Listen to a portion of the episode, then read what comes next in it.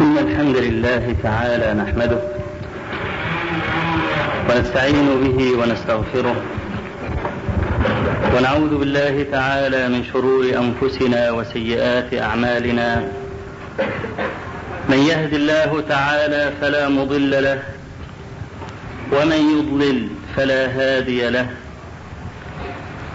وأشهد أن لا إله إلا الله وحده لا شريك له وأشهد أن محمدا عبده ورسوله. يا أيها الذين آمنوا اتقوا الله حق تقاته ولا تموتن إلا وأنتم مسلمون.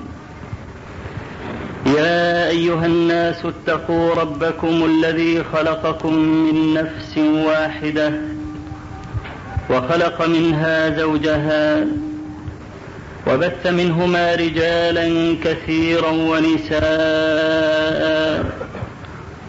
واتقوا الله الذي تساءلون به والأرحام.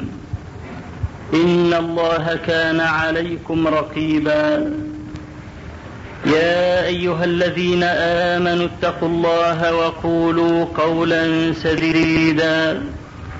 يصلح لكم أعمالكم. ويغفر لكم ذنوبكم ومن يطع الله ورسوله فقد فاز فوزا عظيما.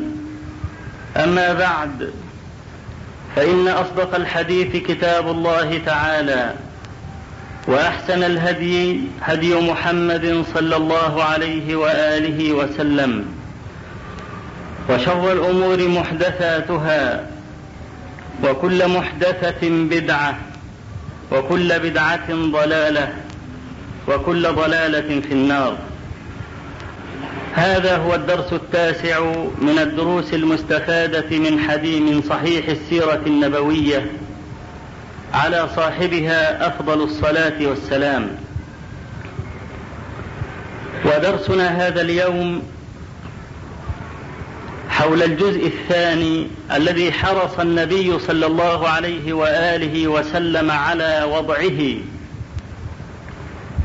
وهو يمهد للدولة الإسلامية الناشئة في المدينة المنورة. هذا الأمر الثاني هو الأخوة. فإنه عليه الصلاة والسلام أول ما بدأ بدأ بوضع المسجد. ليربط الناس بربهم. ثم بعد ذلك آخى بينهم. وحتى تعلموا أهمية هذه الأخوة يجب علينا أن نطل إطلالة على وضع المؤمنين في مكة. إنك لا تستطيع أن تقدر هذه الأخوة ولا تحس بشأنها وضرورتها إلا إن علمت حالهم في مكة. ولنبدأ مثلا بحال زعيمهم وقدوتهم صلى الله عليه وسلم. برغم أن الله تبارك وتعالى منعه بعمه أبي طالب كان ذا منعه ومع ذلك وصل إليه الأذى. قالت عائشة رضي الله عنها بعد غزوة أحد وما أدراك ما غزوة أحد وما جرى للمسلمين فيها والنبي صلى الله عليه وسلم خاصة.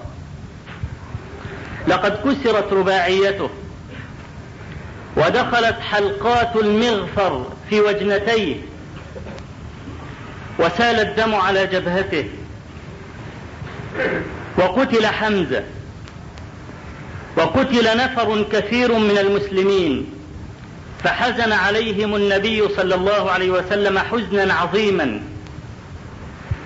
قالت له عائشة كما في الصحيحين هل مر عليك يوم أشد من يوم أحد؟ قال نعم. لقد لقيت من قومك. ثم ذكر له لها قصته لما ذهب إلى الطائف. وهو يدعوهم إلى الله عز وجل وقد أدموا قدميه بالحجارة.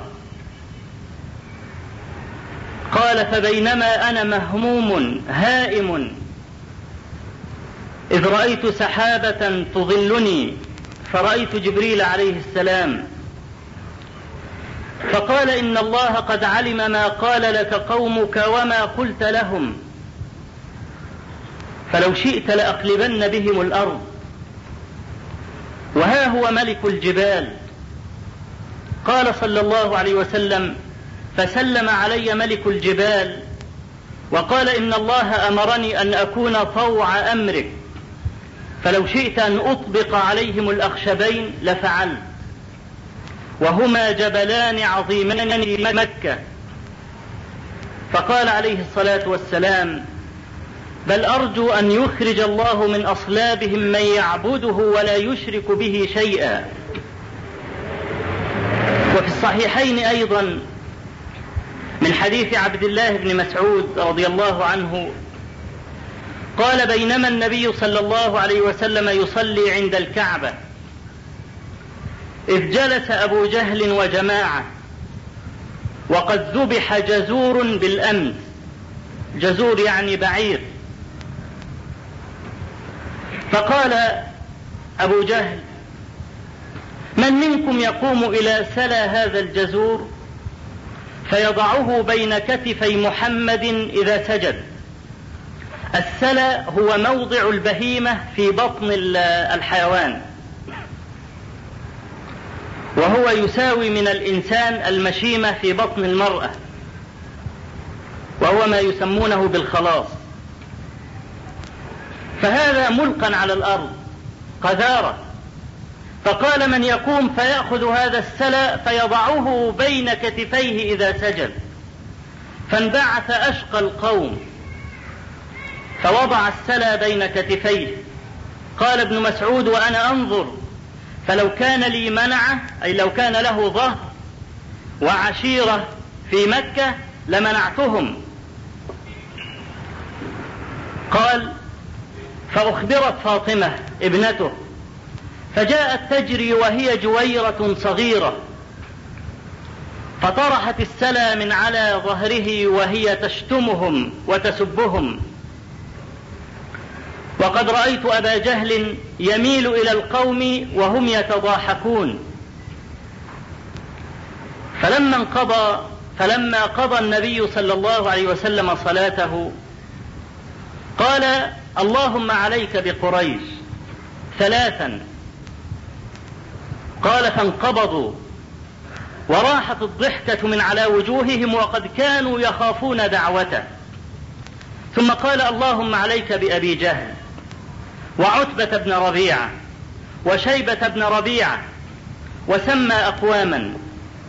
قال عبد الله بن مسعود والله لقد رأيتهم جميعا صرعى يوم بدر.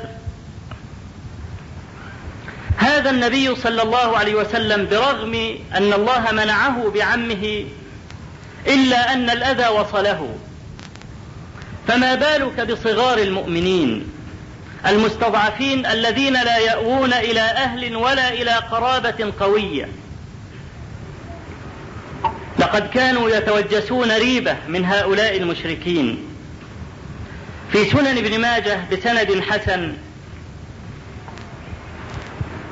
من حديث ابن مسعود رضي الله عنه قال أول من أسلم النبي صلى الله عليه وسلم ومنعه الله بعمه.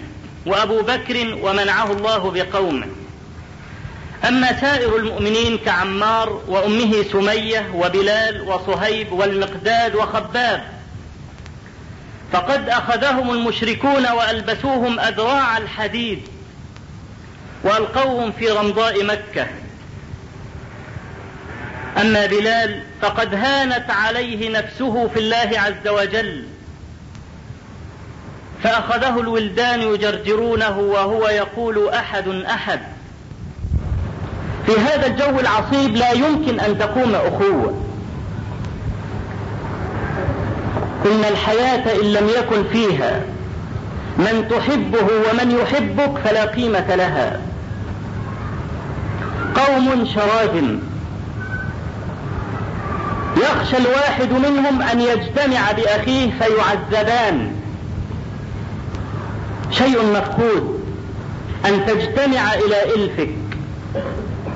فقد حرص النبي صلى الله عليه وسلم جد الحرص على أن يوجد في المسلمين هذه الخصلة الأخوة.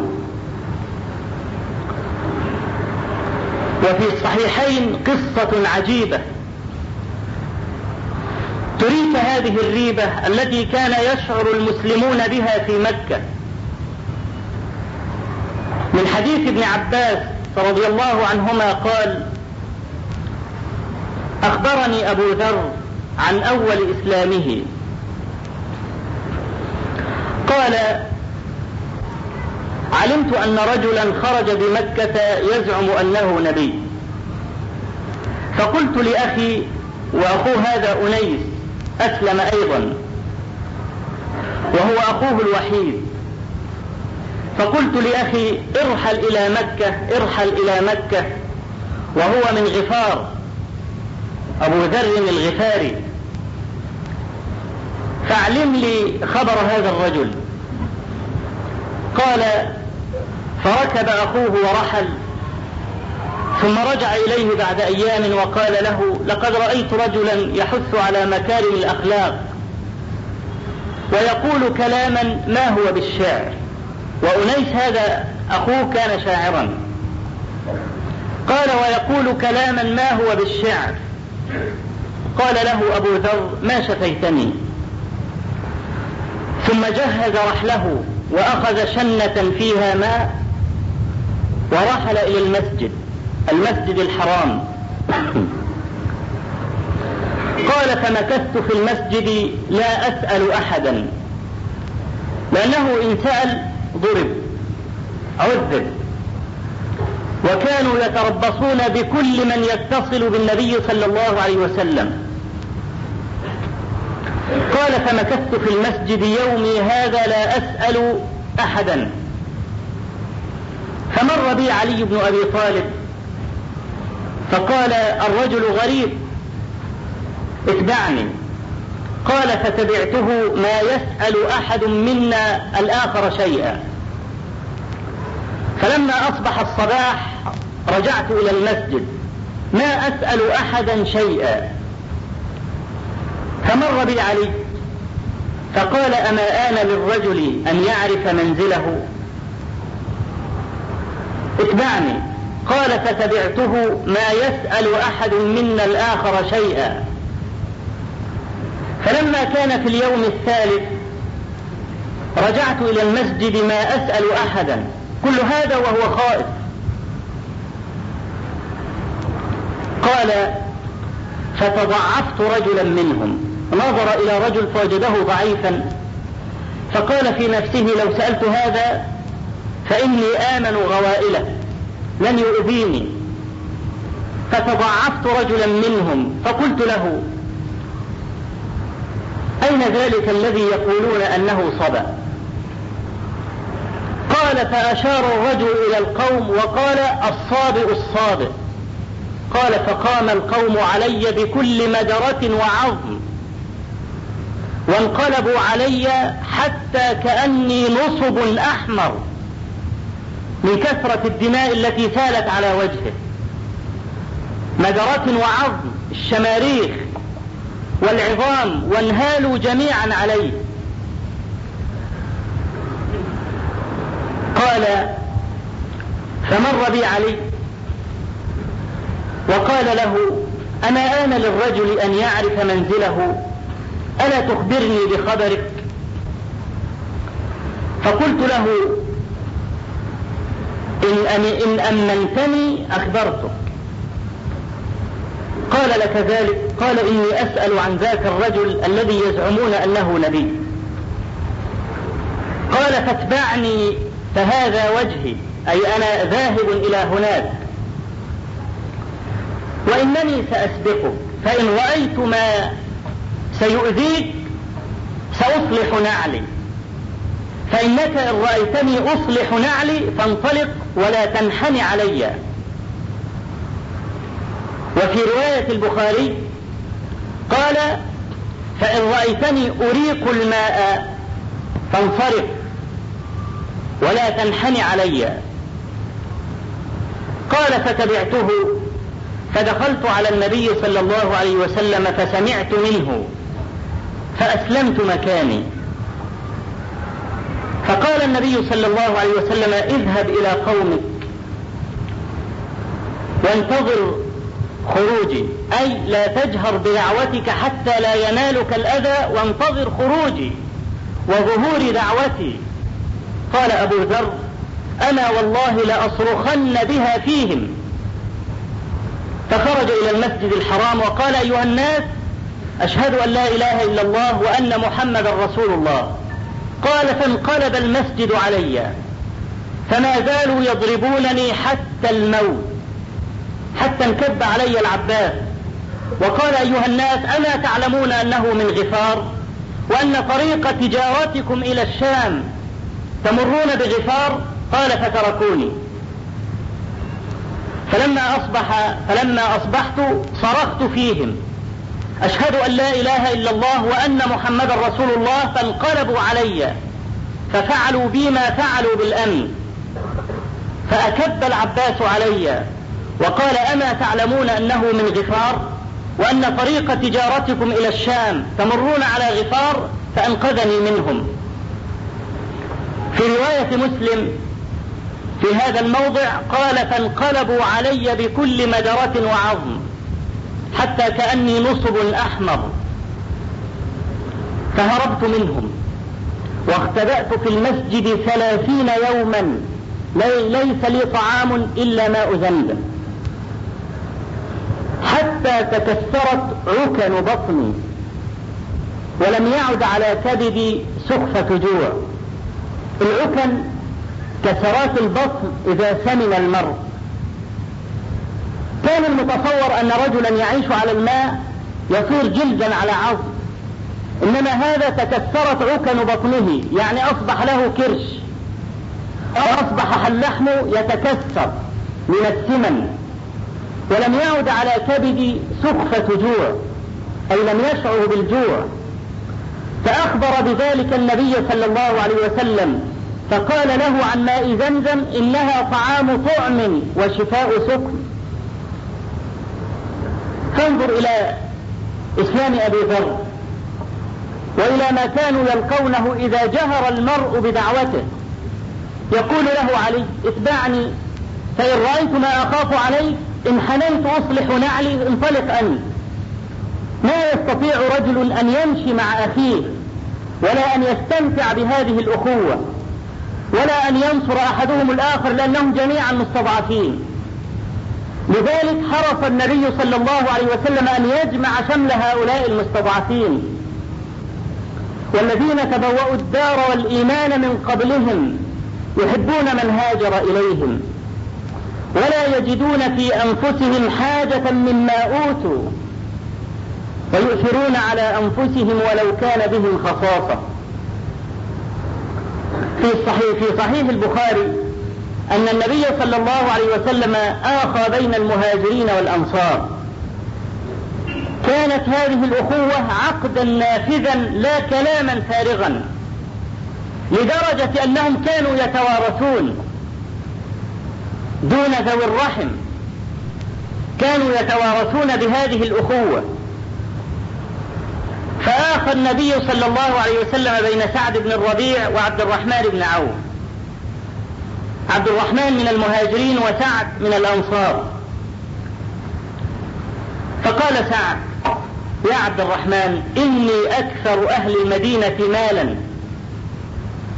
ولي زوجتان. فاقسم مالي نصفين وانظر إلى زوجتي فاختر أحسنهما. أطلقها ثم تزوجها أنت. فقال له عبد الرحمن بارك الله لك في آلك ومالك دلني على السوق. فدله على السوق فانقلب في ذلك اليوم بفضل أقط وسمن الأقط اللي هو اللبن الجاف وما هي إلا أيام. حتى قابل النبي صلى الله عليه وسلم عبد الرحمن بن عوف في بعض الطريق وعليه صفرة كأنه خضاب أو نحو ذلك. قال له مهيم وهذه كلمة معناها كيف حالك؟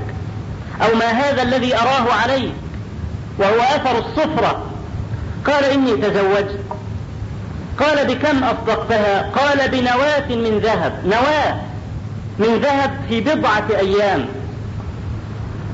إن المرء عندما ينظر إلى سماحة سعد لا يسعه إلا أن يعجب بنبل عبد الرحمن وعفته قال له هذا مالي نصفين خذه. ثم انظر إلى زوجتي فاختر أحسنهما مع أن العرب كانوا يغارون جدا على العرض. لا يتصور في رجل أن يقول اختر بين زوجتي أطلقها وتزوجها أنت. لو أنفقت ما في الأرض جميعا ما ألفت بين قلوبهم ولكن الله ألف بينهم. انظر لو أنفقت ما في الأرض جميعا ما ألفت بين قلوبهم أظن قصة الأوس والخزرج والمعارك الرهيبة الجاهلية لا تكاد تنسى. إذا لطم الرجل الآخر لطمة تقوم لها الحرب على قدم وساق. قامت الحرب أربعين سنة بين الأوس والخزرج على شيء تافه جدا وقتل ألوف مؤلفة. ونزلت هذه الآية للأوس والخزرج. وألف بين قلوبهم. لو أنفقت ما في الأرض جميعا ما ألفت بين قلوبهم. ولكن الله ألف بينهم. إنك لا تستطيع مهما أوتيت من المال أن تشتري ولاء أحد. ولا أن تشتري قلبه. يمكن أن يظهر لك الولاء. أما القلب فلا. إن هذه المحنة التي يعيشها المسلمون الآن وهذا الشتات القلبي بين المسلمين. هذه الأخوة الجوفاء التي يتشدق المسلمون بها الآن هي السبب في هذه المصائب. أين حدبك على أخيك؟ وأين شفقتك؟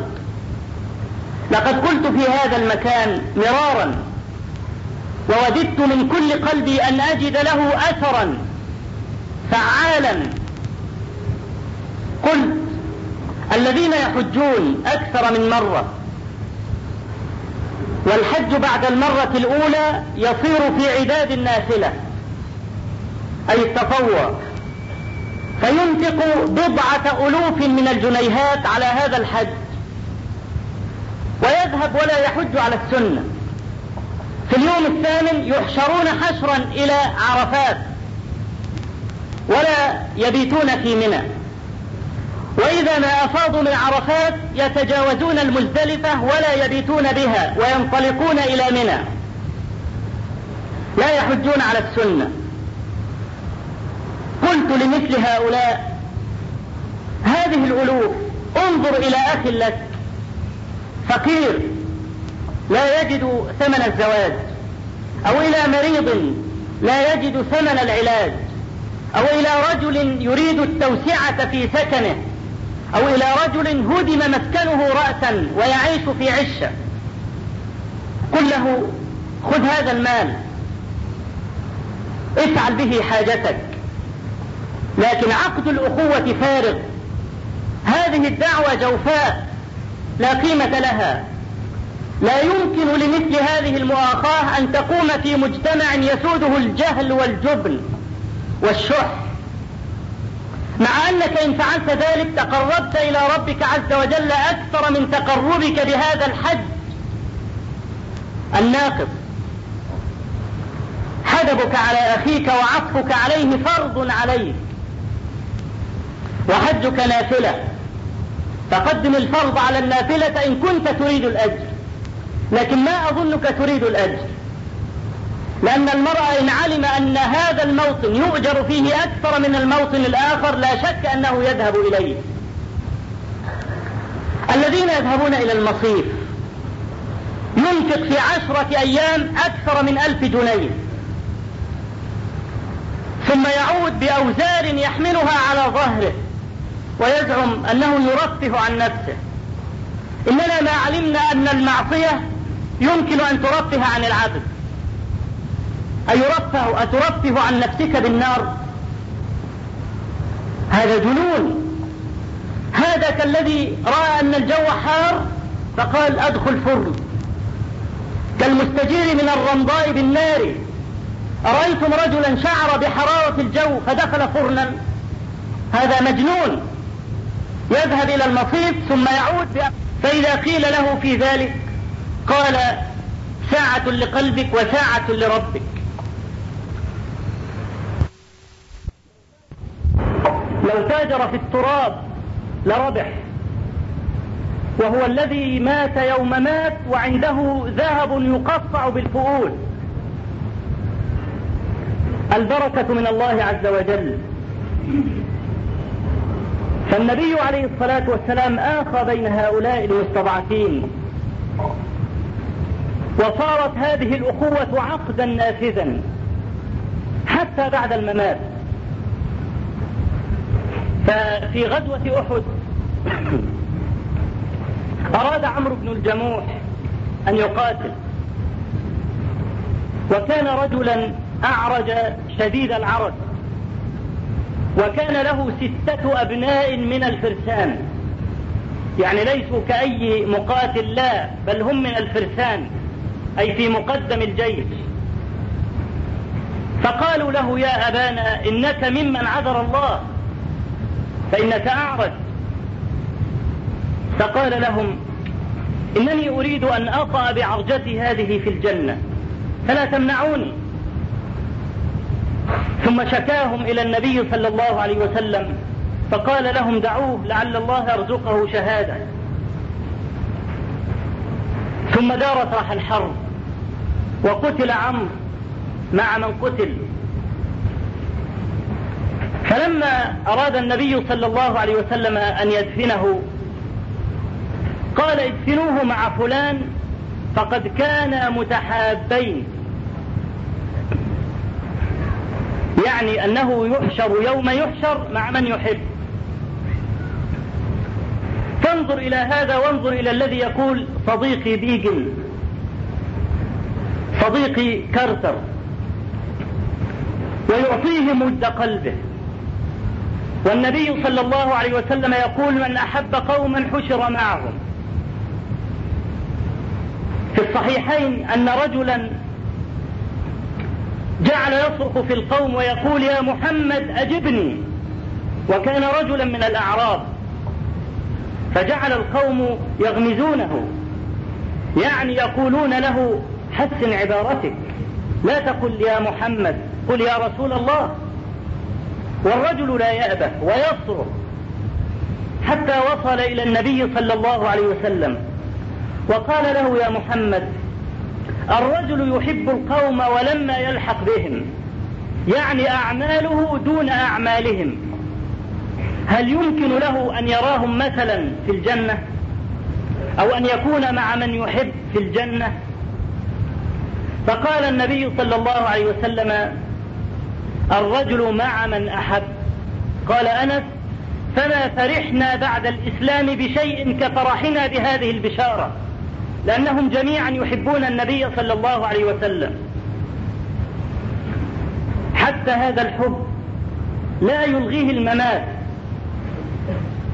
والنبي عليه الصلاة والسلام ساق لنا أحاديث كثيرة في المودة والمحبة. وهذا التعاقد الأخوي فقال عليه الصلاة والسلام يقول الله عز وجل أين المتحابون بجلالي؟ اليوم أظلهم في ظلي يوم لا ظل إلا ظلي. المتحابون بجلالي؟ أي الرجل يحب الآخر لله ليس عن مال. لا تخضعن لمخلوق على طمع فإن ذلك نقص منك في الدين. واسترزق الله مما في خزائنه فإن رزقك بين الكاف والنون. أقول قولي هذا وأستغفر الله لي ولكم.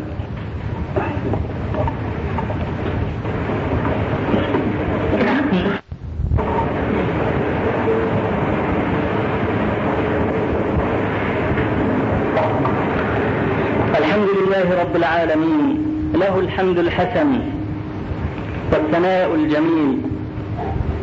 وأشهد أن لا إله إلا الله وحده لا شريك له وأشهد أن محمدا عبده ورسوله صلى الله عليه وعلى آله وصحبه وسلم. إن بعض المسلمين يفكرون تفكير هذا اللص الحميري الذي قال يوما إني لأستحيي من الله أن أرى. أجرجر حبلا ليس فيه بعير. وأن أسأل النكس الدنيء بعيره. وبهران ربي في البلاد كثير. هذا اللص يستحي من الله. أن يفعل معصية؟ لا. ألا يجرجر حبلا فيه بعير مسروق. إني لأستحيي من الله أن أرى أجرجر حبلا ليس فيه بعير. وأن, أس وأن أسأل النكس الدنيء بعيره. يقول لما أسأل الدنيء بعيره وأستعيره منه وأقترضه؟ لأقضي عليه حاجتي. وبعران ربي كثيرة في البلدان أسرق منها ما أشاء. كثير من المسلمين يفكرون بعقلية هذا اللص. إما جهلا وإما تجاهلا. نعوذ بالله عز وجل أن نكون من أهل هذه الآية. قل هل ننبئكم بالأخسرين أعمالا الذين ضل سعيهم في الحياة الدنيا وهم يحسبون أنهم يحسنون صنعا. هذه هي المصيبة. يحسب أنه يحسن. لو أنه في يوم من الأيام تفطن لخطئه لعدل لكنه يحسب أنه يحسن الصنع لذلك فهو لا يمكن أن يرجع. وإن حاولت أن تقنعه لا يرجع؟ لأنه يظن أنه من المحسنين. وهذا ما يشير إليه بعض الباحثين بقولهم نعمة الألم. فالألم من أجل نعم الله على العبد خلاف ما يتصور بعض الناس. يعني مثلا إن جاءك مغض شديد فهذه نعمة. فلعل بعضكم يقول وما وجه النعمة وهو ألم؟ فأقول لك مثلا انظر إلى الأمراض الفتاكة كالسرطان مثلا. إنه ينهش في جسم المريض ولا يشعر. المريض لا يشعر الألم يعتبر إنذار. فلذلك يبادر هذا الإنسان إلى الطبيب فيأخذ العلاج فيمكن له أن يتدارك المرض من أوله بخلاف ما إذا سرى المرض في جسم العبد. وهو لا يدري أنه مريض حتى إذا شعر بالألم كانت القاضية. فنعمة الألم هذه كنعمة الإحساس بالغلط. ولذلك يقول الأطباء إن أول درجات العلاج هو الاعتراف بالمرض. أن تعترف أنك مريض هذه أول درجات العلاج.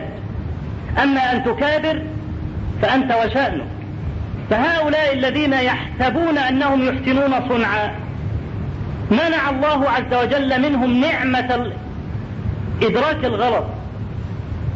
وقد حسن الله وقد حسن لهم الشيطان أعمالهم فهم يحسبون أنهم يحسنون صنعا. انظر مثلا إلى هذه الصفوف عندما تقام الصلاة. هل المسلمون يحسنون تسوية الصفوف؟ إنه مما يؤسفني أن أقول لا. والنبي صلى الله عليه وسلم يقول لا تختلفوا أي في, الصف فتختلف قلوبكم. لماذا تدخل في هذه الصلاة ثم تخرج منها وليس بينك وبين أخيك رابط؟ إنك لا تقف معه كالبنيان المرصوص. رجل بجنب رجل فقط. وقد قال عبد الله بن مسعود من سره أن يلقى الله غدا مسلما فليحافظ على هذه الصلوات حيث ينادى بهن. وما رأ ولقد رأيتنا ما يتخلف عنها إلا منافق معلوم النفاق. ولقد رأينا الرجل يهادى بين الرجلين يهادى. أي يحمل بين الرجلين لأنه لا يستطيع أن يقف على قدميه. يهادى بين الرجلين حتى يقام في الصف. فانظر إلى هذا الذي يهادى بين الرجلين. يحمل حملا. يأتي إلى هذه الجماعة حتى يدرك جلال هذه الأخوة. إن قصرت في قيام الليل أو في صلاتك أو لم يكن معك مال تتصدق به أو عجزت أن تأمر بمعروف أو تنهى عن منكر فأحب في الله عز وجل. تدرك منزلة رفيعة. في صحيح مسلم أن رجلا ذهب ليزور أخا له في قرية مجاورة. فأنزل الله عز وجل ملكا في صورة رجل ووقف على قارعة الطريق. فقال لهذا الرجل إلى أين أنت ذاهب؟ قال إني ذاهب لأزور أخا لي. فقال له الملك أو ترى أن له عليك نعمة؟ يعني له جميل عليك. قال لا غير أني أحبه في الله عز وجل. قال فإن الله عز وجل يقول لك إنه أحبك كما أحببته. إنه أحبك. وإذا أحب الله عز وجل عبدا أحبه طوب الأرض. وضع له القبول في الأرض. كما في الحديث الصحيح إن الله عز وجل إذا أحب عبدا نادى وقال يا جبريل إني أحب فلان ابن فلان فأحبه. تصور أن إن ذكرك الله عز وجل في الملأ الأعلى وقال إني أحب فلان ابن فلان. انظر إلى هذا الشرف السامق وهذا المجد الأثيل أن الله تبارك وتعالى في علوه وكبريائه ومجده يذكر هذا العبد المستضعف الذي يمشي بقدمين على الأرض ويقول إني أحبه. لو أن ملكا في هذه الأرض قال إني أحبك وأشار إلى عبد كاد أن يطير من الفرح مع أن محبة هذا لا ترفع شيئا ولا تضعه هذه محبة الملك المتعال إني أحب فلان ابن فلان. ألا ترغب أن تكون هذا العبد؟ إياك أن تستحقر نفسك. لا تحقرن نفسك. فإنك لا تدري منزلتك عند الله عز وجل. إني أحب فلان ابن فلان فأحبه. فيحبه جبريل. ثم ينادى في أهل السماء إن الله يحب فلان ابن فلان فأحبوه. ثم يوضع له القبول في الأرض. القبول. ورد في بعض الآثار أن العبد الصالح إذا مات بكت عليه الأرض. بكى عليه موضع سجوده وبكى عليه موضع قدمه الذي كان يمشي به على الأرض. افتقد هذا الصالح. ثم إن هذا العبد إذا مات رفع ورفعت روحه إلى السماء. وتستفتح له وتفتح له أبواب السماء. من هذا؟ فلان. أي الذي كانوا يحبونه وهو حي. فيستقبلونه ويدعون له. وقد طيب الله عز وجل ثراه وروحه حتى يرفع إلى عليين. إذا هذه الأخوة في الله عز وجل لها أجر عظيم جدا. فإياك أن تدنس هذه الأخوة بشيء من هذه الأرض كأن تتقرب إلى إنسان لأجل ماله أو جاهه أو نفوذه. لا أحب لله عز وجل وأبغض فيه. إن هذه الأخوة كانت من أعظم ما فعل النبي صلى الله عليه وآله وسلم. حتى كانوا يتجمعون في المسجد كأنهم روح واحد.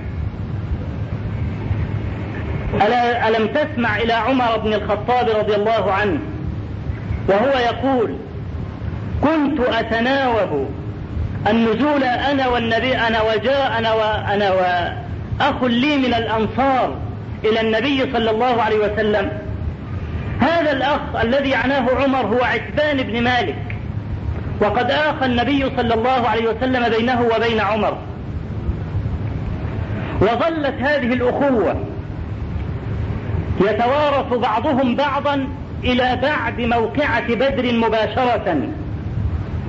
فنزل قول الله عز وجل وأولو الأرحام بعضهم أولى ببعض في كتاب الله فألغيت المواريث وبقيت المناصرة. إن هذا المجتمع المفكك لا يمكن أن يعود وينتصر إلا إذا فعل الدعاة وفعل الحكام ما فعل النبي عليه الصلاة والسلام. الذين يريدون أن يجاهدوا أن يجاهدوا بأيديهم كيف يجاهدوا في هذا التفرق العظيم بين الناس؟ هل يمكن مثلا أن نقول الآن حي على الجهاد وربع الأمة مثلا لا يصلي أو ثلث الأمة لا يصلي أو نصف الأمة لا يصلي؟ لا يصلون.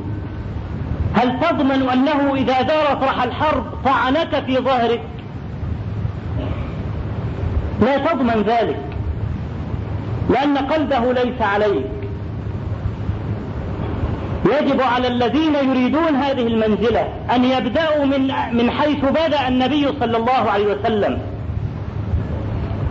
الذين يقولون نبدأ من حيث انتهى هذه مقالة خطأ. أقل ما يمكن أن توصف هذه المقالة أنها خطأ. يقول نبدأ من حيث انتهى. وهل النبي صلى الله عليه وسلم يوم انتهى ترك شيئا لغيره حتى يبدأ به؟ لقد أتم كل شيء. ثم انظر إلى حالك.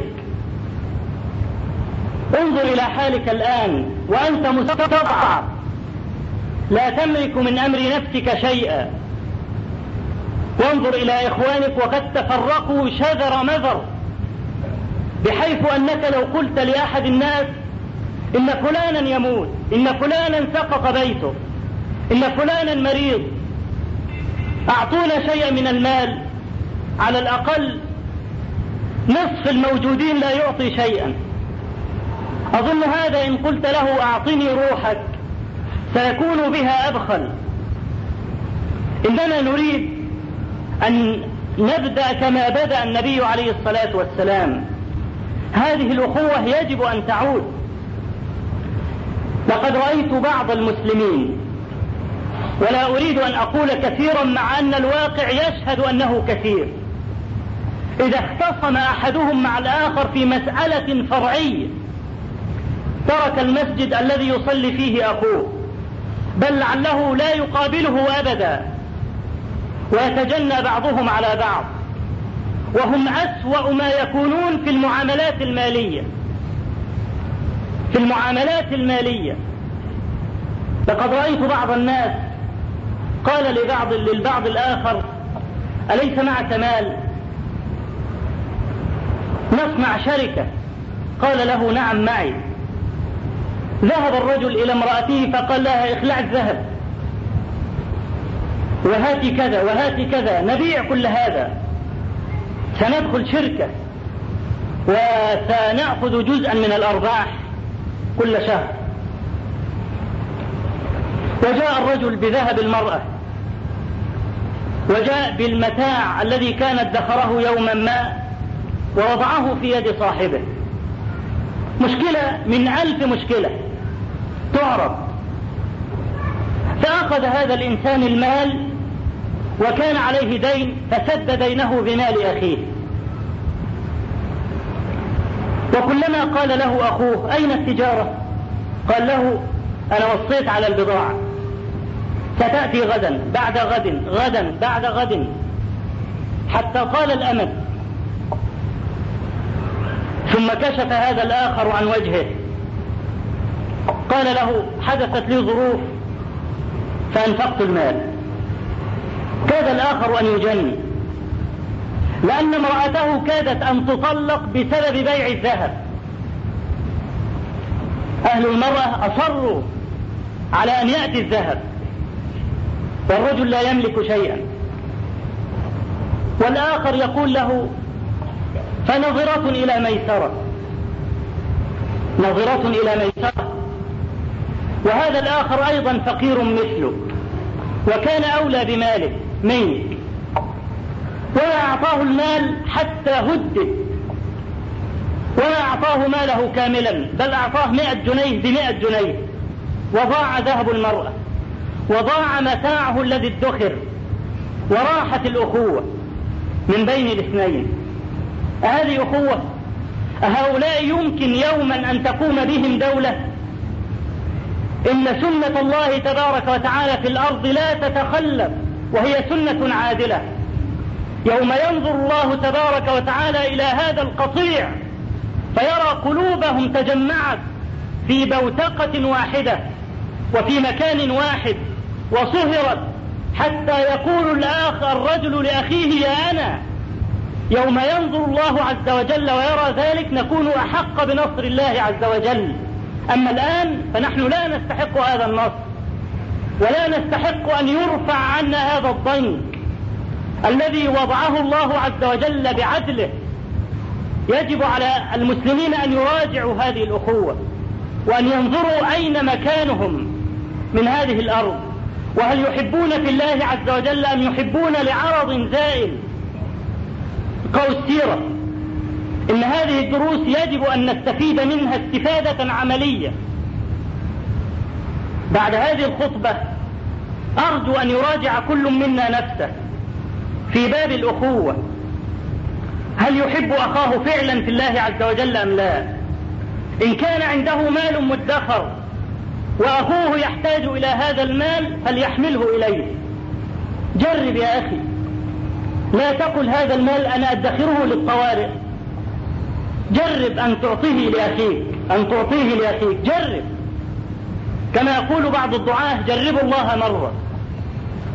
فإنك إن كنزت هذا المال أتى الله عليك بجائحة أخذت هذا المال وتستدين عليه.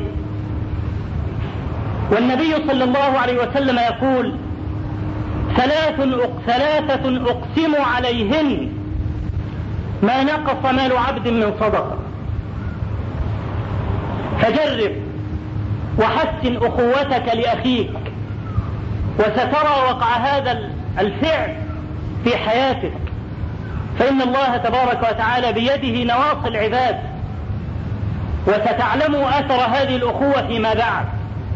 عندما تبدأ المجابهة ما بين هؤلاء المسلمين وما بين القوى الثلاثة الذين كانوا يقطنون في المدينة المنورة وهم أعداء الدولة المسلمة. الكفار والمنافقون واليهود.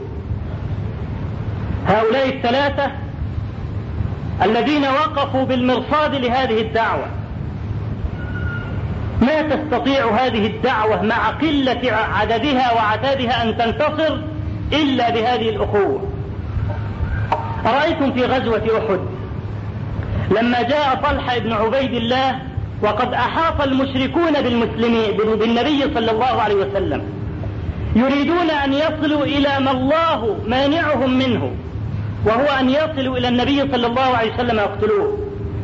ترس عليه طلحة وأبو دجانة ترس يعني احتضنه وجعل ظهره للسهام فنزل أو أصيب طلحة في ظهره بأكثر من ثلاثمائة سهم وهو لا يتحرك. لا يتحرك حتى لا يصل سهم إلى النبي صلى الله عليه وسلم. هذه هي الأخوة والمحبة الصادقة. أخوك الحق من كان معك. ومن يضر نفسه لينفعك ومن إذا ريب الزمان صدعك شتت فيك شمله ليجمعك. أقول قولي هذا وأستغفر الله العظيم لي ولكم. ربنا اغفر لنا ذنوبنا وإسرافنا في أمرنا وثبت أقدامنا وانصرنا على القوم الكافرين. اللهم اجعل الحياة زيادة لنا في كل خير واجعل الموت راحة لنا من كل شر. اللهم قنا الفتن ما ظهر منها وما بطن. اللهم لا تجعل الدنيا أكبر همنا ولا مبلغ علمنا ولا تجعل مصيبتنا في ديننا ولا تسلط علينا بذنوبنا من لا يخافك ولا يرحمنا. رب آت نفوسنا تقواها وزكها أنت خير من زكاها أنت وليها ومولاها. اللهم اغفر لنا هزلنا وجدنا وخطأنا وعمدنا وكل ذلك عندنا وأقم الصلاة.